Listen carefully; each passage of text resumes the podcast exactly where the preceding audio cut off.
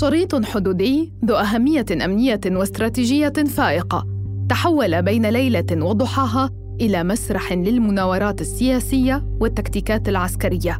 قال رئيس الوزراء الإسرائيلي بنيامين نتنياهو أن الحرب تفرض ثمنا باهظا لكنه شدد على أن الحرب لن تنتهي دون إغلاق ما وصفها بالثغرة في محور فيلادلفيا.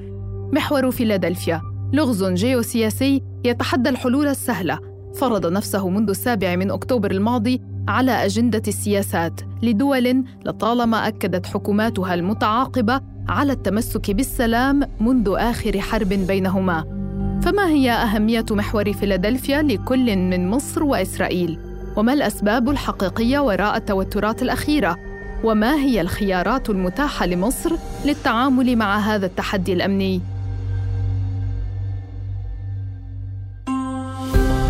بعد أمس. من أثير الجزيرة أنا روعة أوجي بعد تبدد أمل جيش الاحتلال الإسرائيلي في فرض نصر عسكري بحربه الجارية الآن على قطاع غزة تصاعدت حدة التصريحات الإسرائيلية بإلقاء اللوم على مصر. بسبب ما أسموه تساهلها في دخول الأسلحة إلى القطاع. جزء من الذي نراه هو بسبب مصر جميع عمليات تهريب السلاح تتم عبر محور فيلادلفيا. كل ما علينا فعله هو تدمير محور فيلادلفيا.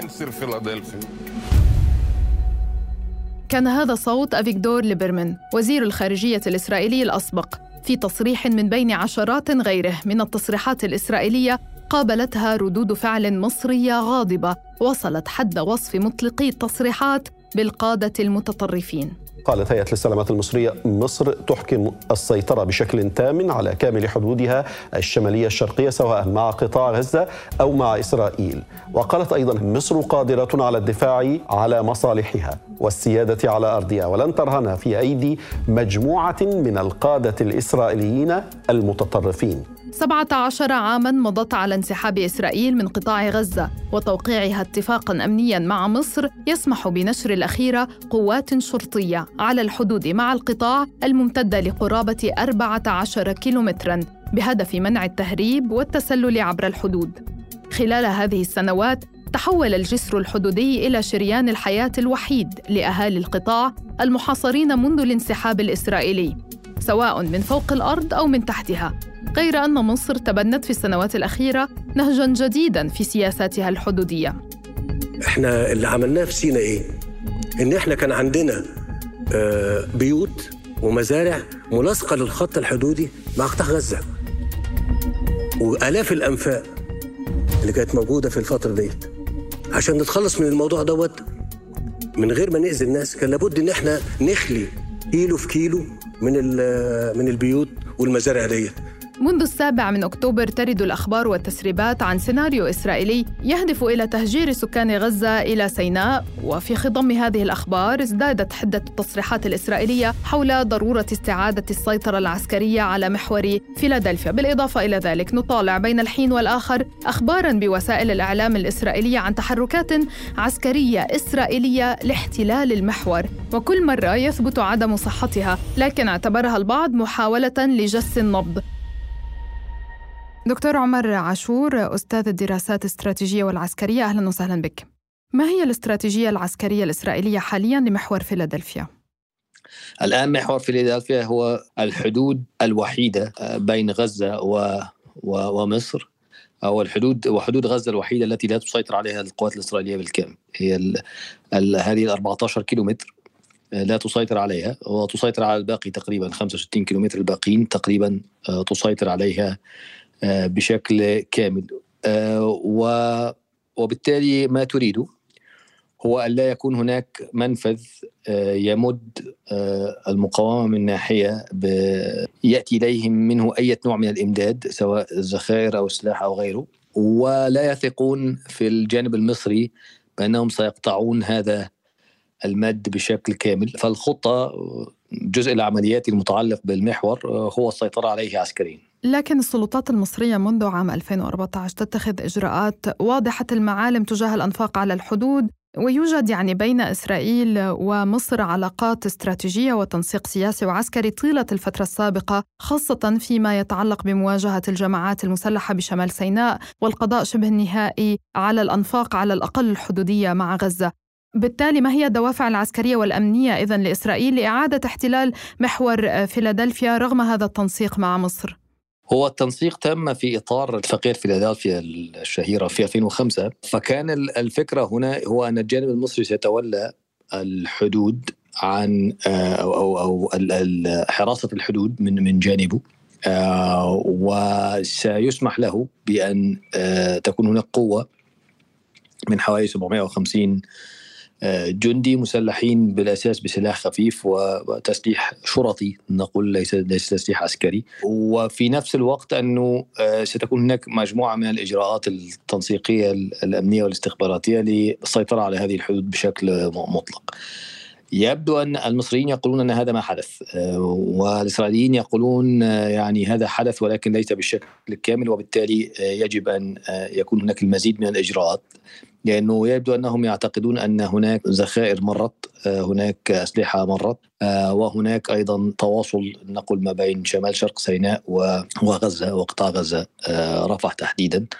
فهذا من جانب. من جانب آخر نعم كان هناك تنسيق أمني واستخباري وربما عسكري كذلك في فترة ما في لمواجهة بالأساس ولاية سيناء والمجموعات التي كانت تسبقها في في في شمال شرق سيناء، لكن يبدو أن الإسرائيليين غير راضيين عنها وغير متأكدين أنها عزلت القطاع تماما وعزلت هذه ال 14 كيلومتر آه، وسدتها تماما آه، بالرغم من كل هذا المجهود الذي بذل في السنوات السابقة. العلاقات السياسية المصرية الإسرائيلية والتي طالما وصفت بكونها علاقات استراتيجية تأثرت بشكل ملحوظ بتداعيات حرب الوجود التي يتحدث عنها الساسة الإسرائيليون منذ بداية عدوانهم على قطاع غزة قبل قرابة الأربعة أشهر. آثار وتوترات تجلت بوضوح بصورة خاصة في الرغبة الإسرائيلية المعلنة لإعادة احتلال محور فيلادلفيا في إشارة لعدم الثقة في القدرة المصرية على إحكام السيطرة على الحدود مع غزة رغم ما شهدته السنوات الفائتة من تنسيق وثيق بين حكومات البلدين فيما يتعلق بتلك البقعة الجغرافية بالتحديد.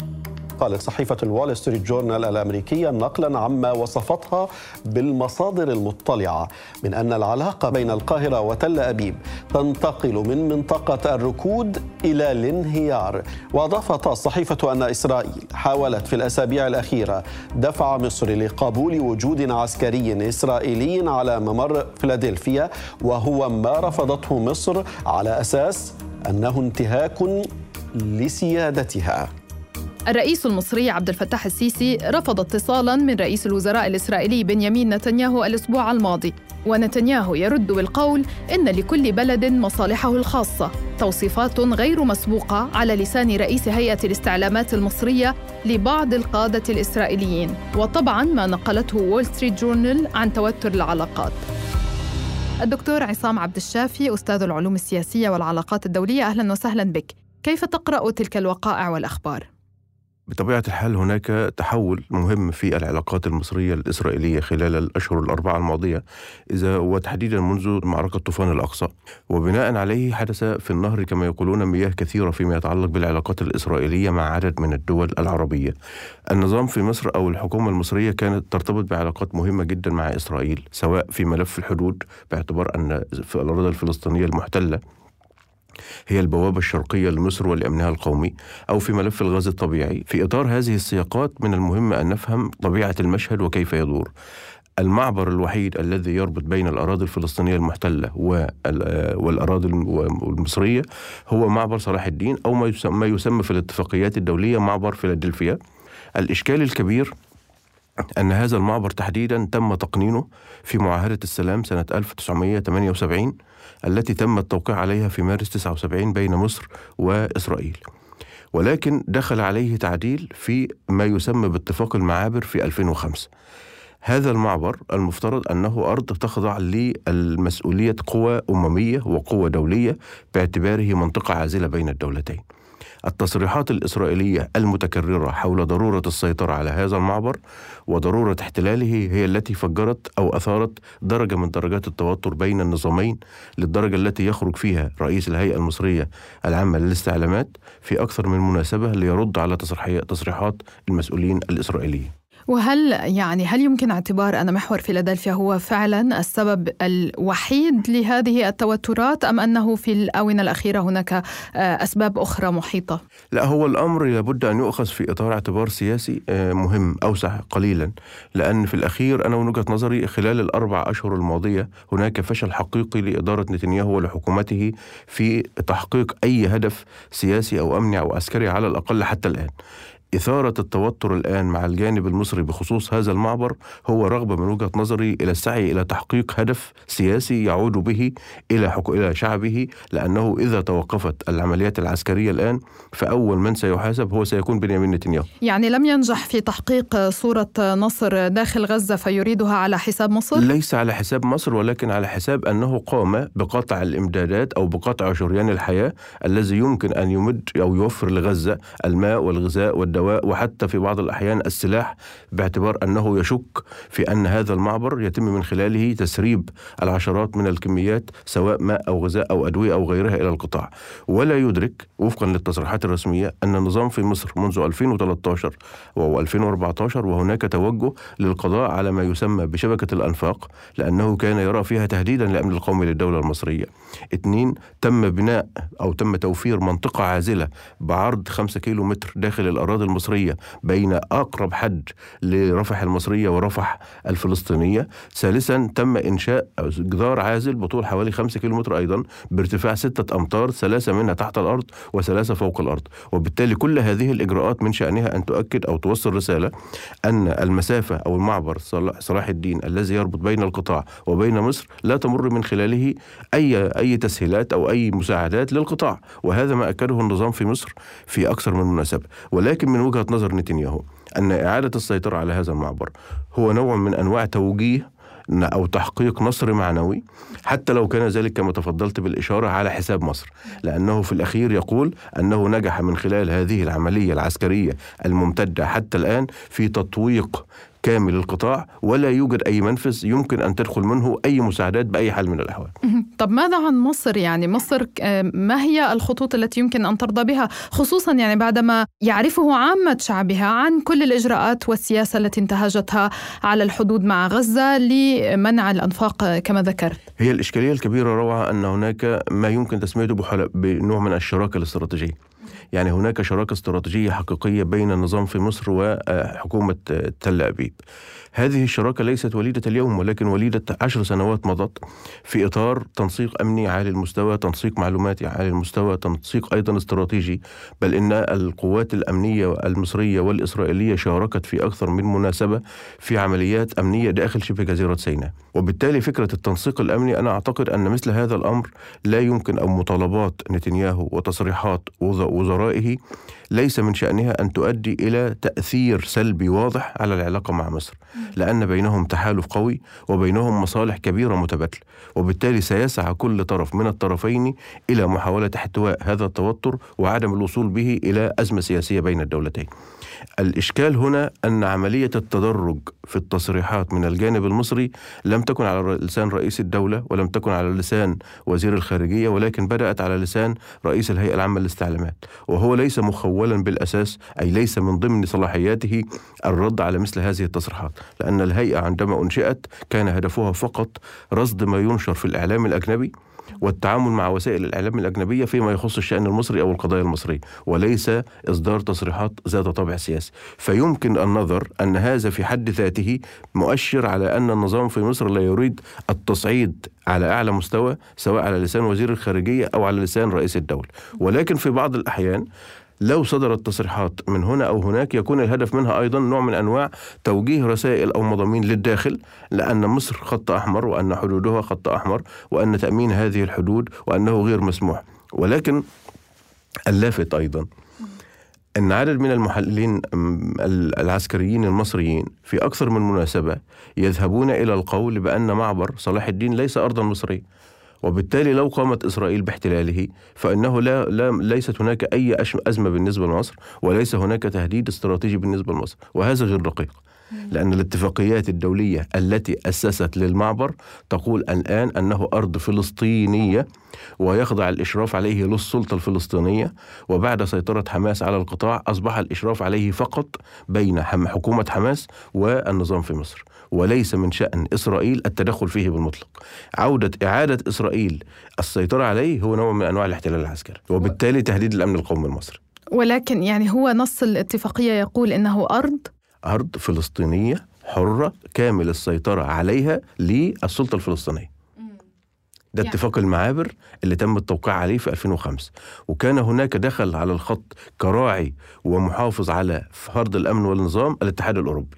ولكن مع خروج إسرائيل وانسحاب إسرائيل من القطاع لم يعد للوجود الأوروبي تأثير أو حضور لأن العلاقة أصبحت علاقة ثنائية بين الدولة المصرية وحكومة والحكومة في في القطاع حكومة حماس طيب في حال احتلت إسرائيل هذا المحور ما هي الخيارات السياسية لمصر؟ هو الأمر يرتبط ليس فقط بفكرة الخيارات لأن الخيارات ممكن أن تكون متعددة يعني من بين الخيارات لو افترضنا جدلا أن الدولة المصرية أو النظام في مصر تعامل مع هذا القطاع على أنه أرض أن احتلال هذا الاحتلال من شأنه أن يكون مهددا للأمن القومي المصري فالمفترض أن خيار العمل العسكري المضاد وارد المفترض في إطار السياقات. اثنين إدخال نوع من أنواع الوساطة وتحديدا الولايات المتحدة باعتبار أن الولايات المتحدة كانت الراعي الأول لاتفاق السلام بين مصر وإسرائيل أو تدخل على الخط الاتحاد الأوروبي باعتبار أن توتر العلاقات بين مصر وإسرائيل سيؤثر على إمدادات الغاز الطبيعي إلى أوروبا. وبالتالي يصبح الخيار العسكري أحد الخيارات الواردة. اثنين إدخال وسطاء لتهدئة التوتر في العلاقات مثل الولايات المتحدة أو الاتحاد الأوروبي خيار وارد. ثلاثة محاولة الاتصال المباشر بين المسؤولين في الطرفين لمحاولة تهدئة الأوضاع والتنسيق قبل إصدار أي تصريحات من شأنها أن تؤدي إلى حالة من التوتر في العلاقات. أنا من وجهة نظري أن الخيار الثالث هو الأقرب لأن في الأخير الطرفين حريص حريصين كامل الحرص على أن تبقى العلاقة في إطار التواصل المشترك. ولا تخرج لأن إسرائيل الآن في ظل تداعيات طوفان الأقصى لا تريد أن تخسر طرف بحجم النظام المصري في هذه المرحلة. هناك توتر على كامل حدودها سواء في لبنان أو في سوريا أو في الأردن. أو حتى مع بعض الدول التي طبعت معها هناك توتر في الإقليم بشكل عام من خلال الأذرع المحسوبة سياسيا أو إعلاميا على إيران وبالتالي تريد أن تحافظ على الورقة القوية التي ظلت حتى الآن حريصة على استمرار التواصل معها. محور فيلادلفيا حتما ليس صورة النصر التي يبحث عنها نتنياهو، لكنه بالتأكيد مأزق للسيسي. فهل نشهد انهيارا للعلاقات الإسرائيلية المصرية قد يهدد مستقبل السلام في المنطقة بأسرها؟ أم سيتمكن ساسة البلدين من إيجاد أرضية مشتركة من جديد للوقوف عليها بعد أمس من أثير الجزيرة تابعونا عبر كافة منصات البودكاست وأرسلوا لنا أسئلتكم ومقترحاتكم في التعليقات وعبر حسابات أثير على مواقع التواصل الاجتماعي. دمتم بخير ونلتقي بعد أمس.